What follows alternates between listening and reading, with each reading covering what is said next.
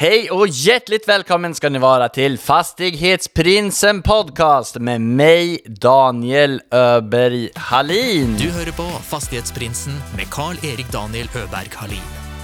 I denne podden får du følge med på eiendomsinvestorer fra Sverige og Norge når de deler sine erfaringer og tips med oss lytterne. Gjestene er alt fra småbarnsforeldre med sin første enhet, til de mer etablerte haiene. God fornøyelse. Idag så sitter jag här med ingen gäst framför mig och ingen Paula vid min sida, utan jag sitter här helt själv. Det känns lite konstigt, lite underligt, men eh, vi måste utvecklas för att komma fram, är det inte så? Och fram till nu så har vi intervjuat över 100 fastighetsinvestorer och vi har fått ge, lyssna på supermånga inspirerande historier, lärdomar och tips och olika inriktningar och hur de har finansierat saker och ting och hur de kom fram till att de skulle göra det de håller på med. Och där har de delat alla sina tankar. Alla dessa historier har jag blivit så inspirerad av och har haft lust efter varje möte och, och varje historia och inriktning som jag har hört så har ju det här liksom swept me away. Jag har ju blivit helt tagen av den inriktningen och den personens val är liksom de bästa att ta. Men så när man får lite distans till det tillbaka så har det liksom ändå kommit tillbaka till att okej, men den här inriktningen är ju den som mitt hjärta har lust att gå på. Eh, men de här verktygen, de här eh, tankarna som den här personen hade, eh, eller sa i, i den inriktningen, är ju det som jag vill ta med mig. Och när jag har liksom börjat processera den vinklingen på, eller den tillnärmningen till alla avsnitt, så har det blivit mycket lättare för mig att liksom, eh, an- lyssna på och analysera alla avsnitt. Eh, och det eh, är många av er som lyssnar som har sna- snackat med mig om då, att eh, de har lust till att diskutera de här avsnitten lite mer alltså, för att komma vidare och hur kan vi plocka med oss alla godsaker där. Så nu har vi då tänkt att eh, göra en, en serie och analysera de här avsnitten som vi har haft. Och det har varit ganska häftig resa för mig det med. för att eh, för exempel i dagens avsnitt så ska vi eh, gå igenom Pontus Larborns historia. Han är avsnitt nummer två. Jag intervjuade honom helt i starten innan vi hade släppt något avsnitt och eh, jag var osäker och orolig för hur ljudet skulle vara, om jag skulle ställa nog frågor. Och det plockade fram lite den samma känslan med när jag lyssnade på avsnittet. Både eh, hur jag kände då, men också alla goda tips som jag, och, och, som jag fick av att lyssna på Pontus. Så det här blir liksom en eh, liten eh, ny re- en, eh, resa tillbaka i framtiden. Eh, nej, resa tillbaka fortiden. Vad heter det? In the past. Allt för eh, språkförvirrad som ni vet. Så vi kommer gå igenom deras resa, deras inriktning eh, och tips och tricks och lärdomar utifrån det avsnittet. Vi kommer analysera snabbt igenom deras eh, takes, de viktigaste keysen härifrån. Om vi startar på vem de är då. De har eh, Pontus och hans fru bodde i Stockholm. Han startade med att eh, han är jurist som parallellt gjorde, eller som, som gjorde ett karriärbyte ut till att bli fastighetsförvaltare. Eh, och han kallar sig själv för trygghetsnarkoman. Han kommer från en familj som alltid har valt liksom den eh, säkraste vägen. Man ska ha en statlig eh, anställning och göra det tryggt. Eh, och så har han liksom börjat dra sig därifrån när han började jobba med fastigheter och började intressera sig för, eh, intressera sig för det. Och hur de kom igång med liksom deras egna fastighetssatsning, det är ju egentligen kärnan av det jag tar med mig från det här avsnittet. Det är att under en väldigt intensiv eh, period i deras liv så var det många saker som hände. Och det, allting händer ju för att man har ju fokus på ett sätt, eh, åt ett visst håll, även om man kanske inte är så fullt medveten om det. Men det första som hände var att de fick ett bud på sitt, eh, på sitt hus utanför Stockholm, privata hus, eh, som var om det var en miljon över eh, pri, eh, normala priset, så de liksom kunde inte säga nej. Så då hade de signerat eh, försäljning på sitt hus och visste inte vad de skulle göra efter det. Och under den tiden, eller lite, lite tidigare tillbaka i tiden, så hade de ramlat över ett eh, förvaltnings... Eh, anbud, alltså i en, i en kommun som de inte bodde i, det var ju Umeå, där frun kom ifrån. Eh, som är, alltså Umeå och Stockholm, det är väldigt långt därifrån. Jag som kan geografi kan inte säga exakt, men det är svinlångt i alla fall. Och eh, ehm, eh, då hade de då bara gjort, eh, svarat på det anbudet och fick tillbaka att gratulera, ni vann. Så då hade de helt plötsligt eh, ett eh, antagande eller ett jobb som de var tvungna att göra och starta, så då, eh, alltså under ett företag som då inte existerade. Eh, och det var lite spännande. Så då var det ju antingen så ska man ta det eller ska man säga att man inte, att man inte kan göra det. Det, de valde att, att göra var att de bara körde på. De eh, startade företaget, an, tog sig an det här eh, uppdraget som de hade fått och började söka nya uppdrag och bygga upp en verksamhet i Umeå. Flyttade från Stockholm och kastade sig ut i det och hade med sig en, eh, en slant med pengar som de då eh, hade lust till att investera i en fastighet. Så de hittade en fastighet som var en eh, kombinationsfastighet med 18 enheter med det var kanske fyra, fem lägenheter och eh, lite lager och eh, garage och några butikslokaler i. Eh, som de eh, köpte och de köpte det privat. Eh, anledningen till att de köpte det privat då var för att det var den eh, första fastigheten och transaktionskostnaderna är billigare om man köper det privat och man Eh, eh det, är, lite enklare att eh, hantera i, i räkenskapsmässigt. Det är lite mindre krav var väl ordet jag letade efter. Så, och det var deras bedömning till att, eller eh, anledning till att de köpte det privat. Eh, deras strategi som de har, då valde i, eh, i deras fastighetssatsning är ju en, hög, högt, en, en fastighet med högt kassaflöde i en stad där det är hög tillväxt och möjligheter att öka värde genom hu, hu, eh, mer och högre hyror och eh, se om man kanske kan stycka av en lägenhet eller stycka av en tomt, eh, göra olika eh, värdeökande tilltag då, i fastigheten.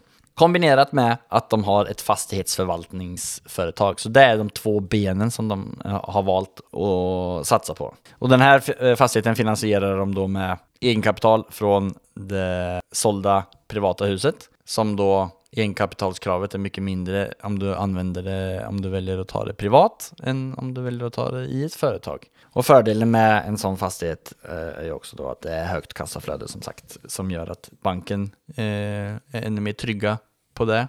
Och på tal om trygga, alltså Pontus nämner mycket i sitt avsnitt att han är trygghetsnarkoman eh, och att han inte vågar ta risker.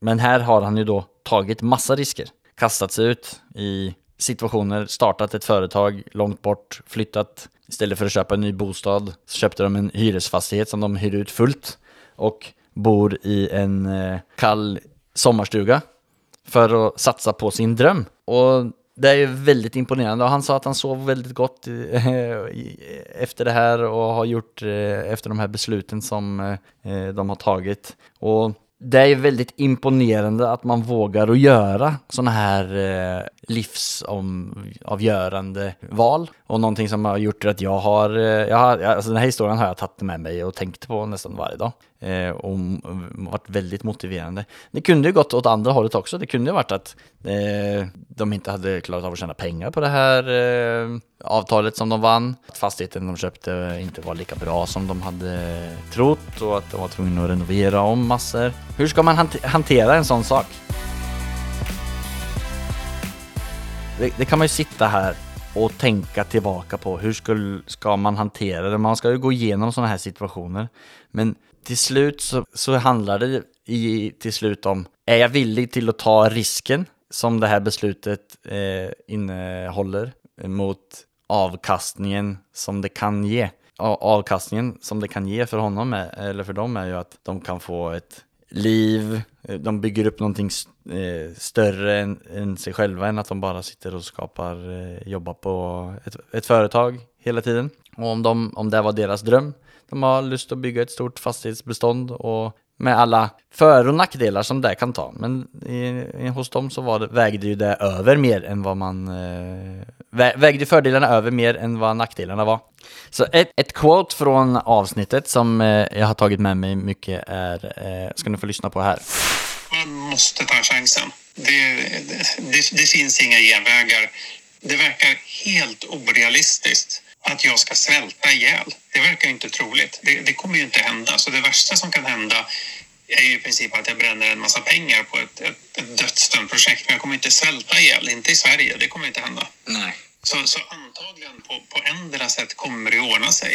Det mindsetet är ju väldigt eh, intressant att ha med sig. Eh, att eh, oavsett vad som än händer så kommer man eh, inte vara eh, hungrig i, eh, i Norge och Sverige. Poängen som Pontus tar upp där tycker jag är så himla bra. Han, han belyser egentligen det viktigaste med allting. Alltså vi är så privilegierade att vi kan sitta och diskutera och lyssna på en podcast och solen skiner och vi har mat på bordet. Om, och det vi diskuterar är egentligen om vilka drömmar vi har. Det här är ju min dröm. Bygga ett stort fastighetsimperium som kan göra massa gott för många olika eh, människor och världen och naturen. Eh, och samtidigt få sitta här och prata med inspirerande folk. Och om inte jag lyckas med det så får jag bara börja om. Alltså, om jag, om jag inte lyckas första gången så kanske jag lyckas andra eller tredje eller fjärde. Och ju, just nu så har jag åkt på en liten smäll med, eller smäll, jag, jag, jag har haft ett projekt som inte har gått helt så bra. Och det är väldigt många andra som också har haft det tufft just nu. Och har det tufft. Men det viktigaste är att inte liksom gräva ner sig för mycket mentalt i det, även om det är jäkligt tungt. Eh, och jag själv har eh, slitit mycket med det, eh, hur man ska bearbeta det. Jag har väl alltid haft det mindsetet att jag får en käftsmäll, jag accepterar det och så är det bara upp på hästen och gå vidare. Och det är någonting som jag vill påminna av det här avsnittet av. En annan sak alltså, som det här avsnittet plockar fram i mig är egentligen där jag var när jag startade podcasten. Jag startade podcasten av flera anledningar. Det var ju för att jag hade lust lära mig mer om fastigheter. Jag har lust att bli mer trygg i och kunna prata inför folk, inför eh, publik, för det eh, är någonting som jag har lust till att göra.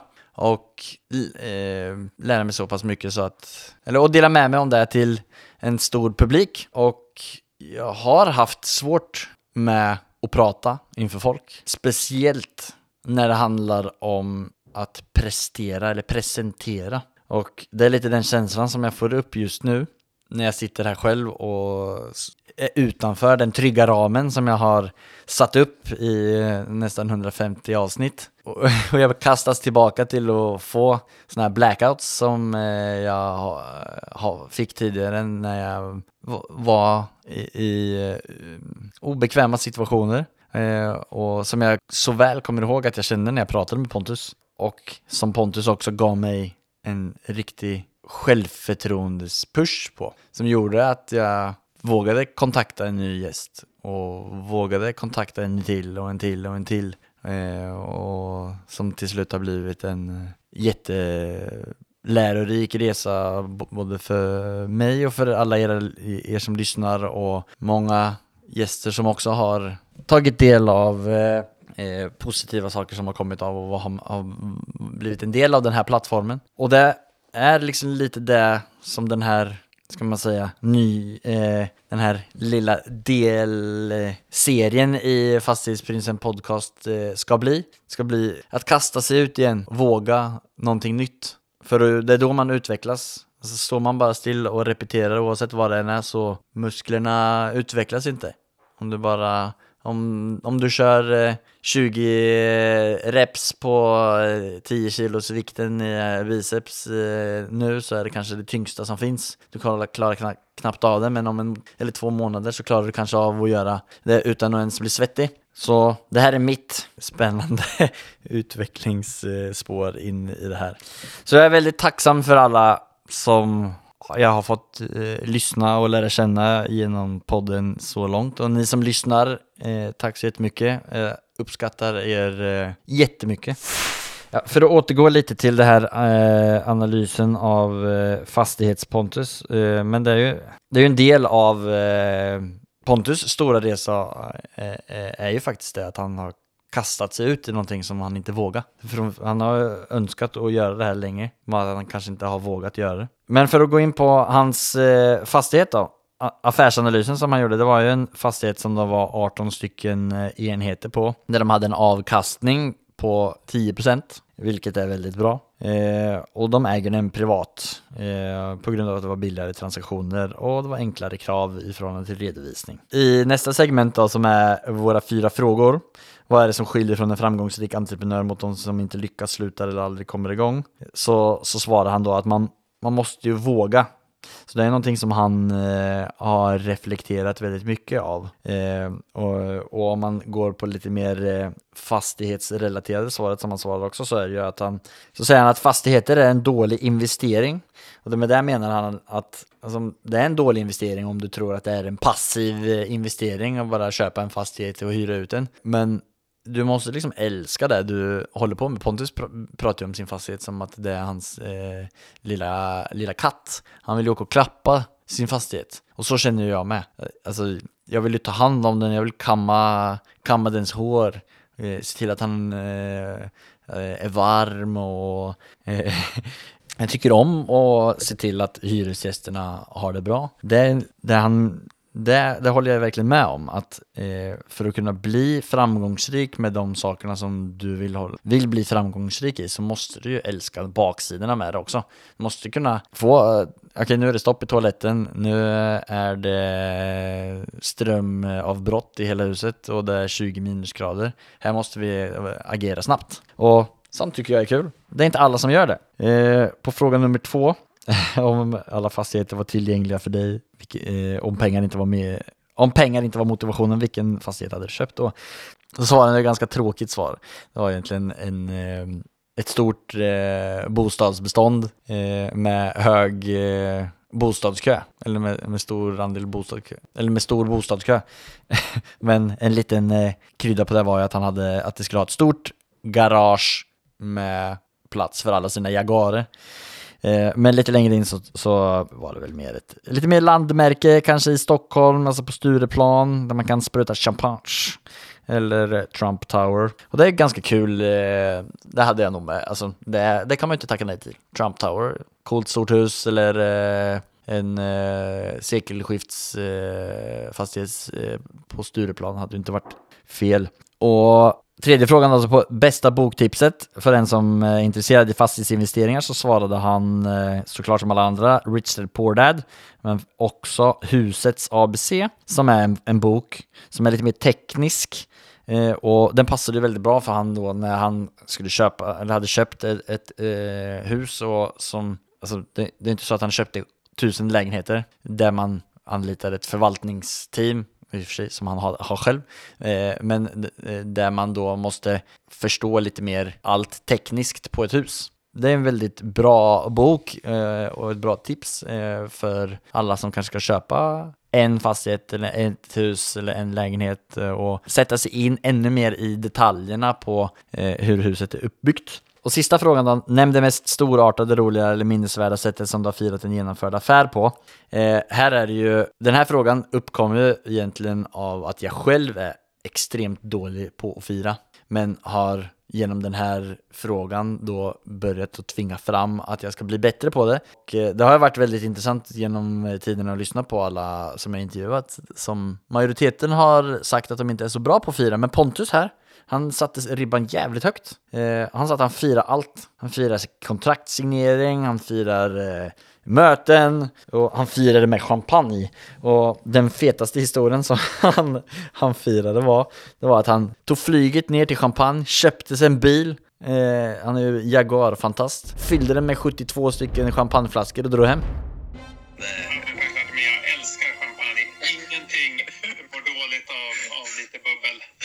motiverar det till att det är mycket billigare att köpa champagneflaskor i champagnen än att köpa här. Så eh, det är helt fantastiskt. Jag älskar den historien. Det är en av mina favorithistorier på det, eller en av mina favoritsvar på den frågan. Det är så jävla upplyftande att höra folk som firar. För att det är så jävla viktigt att fira. Vad fan ska man fira? Varför ska man göra massa bra saker om man inte firar det? Det är ju till slut det som egentligen är målet. Eller man vill ju uppnå saker och ting. Det är ju känslan av att accomplish någonting. Och det tycker jag är ett väldigt fint sätt att avsluta det här eh, första analysavsnittet på. Alltså för att summera mina bästa takes från eh, avsnittet med Pontus så är det att vi ska våga, vi ska vara nyfikna, vi ska våga kasta oss ut i saker och ting med kalkylerad risk såklart. Man ska inte bara kasta sig ut med huvudet före. Men det är liksom inte så farligt om man eh, gör det heller. Vi, det är bara att resa på sig och köra vidare. Alla som har lyckats med stora grejer, de har fått så mycket stryk. Är, man brukar säga att de, har, eh, de som är framgångsrika har misslyckats eh, tusen gånger mer än de som inte har lyckats. Därför att de som inte lyckats, de eh, fortsatte aldrig att ställa sig upp. Och det vill jag att vi tar med oss i den, från det här avsnittet och i den här tiden som vi är i. Att eh, vi bara, bara ge inte upp. Upp med hakan och hitta det positiva i det. Om det är så litet så bara håll dig fast vid det positiva. Hitta det nästa positiva och nästa positiva och så är du uppe igen och så börjar du få momentum så är du snart tillbaka där, där, där du kanske var när du upplevde att du misslyckades på någonting. Och så är du förbi där till slut. Och för att avsluta det här avsnittet så får ni, så önskar jag er en fantastisk eh, vecka och en fantastisk dag och bara sug i er visdomsorden från den visaste Pontus jag någonsin har känt. Så du, firar, så du firar ganska ofta med andra ord? Jag, ja, och jag firar med champagne. Jag hoppades att du skulle säga att du, du tar med Stureplan upp till Umeå. Ja, men självklart. Men jag älskar champagne. Ingenting mår dåligt av, av lite bubbel. Nej. Så kom ihåg det. Ingenting mår dåligt av lite bubbel. Ha det!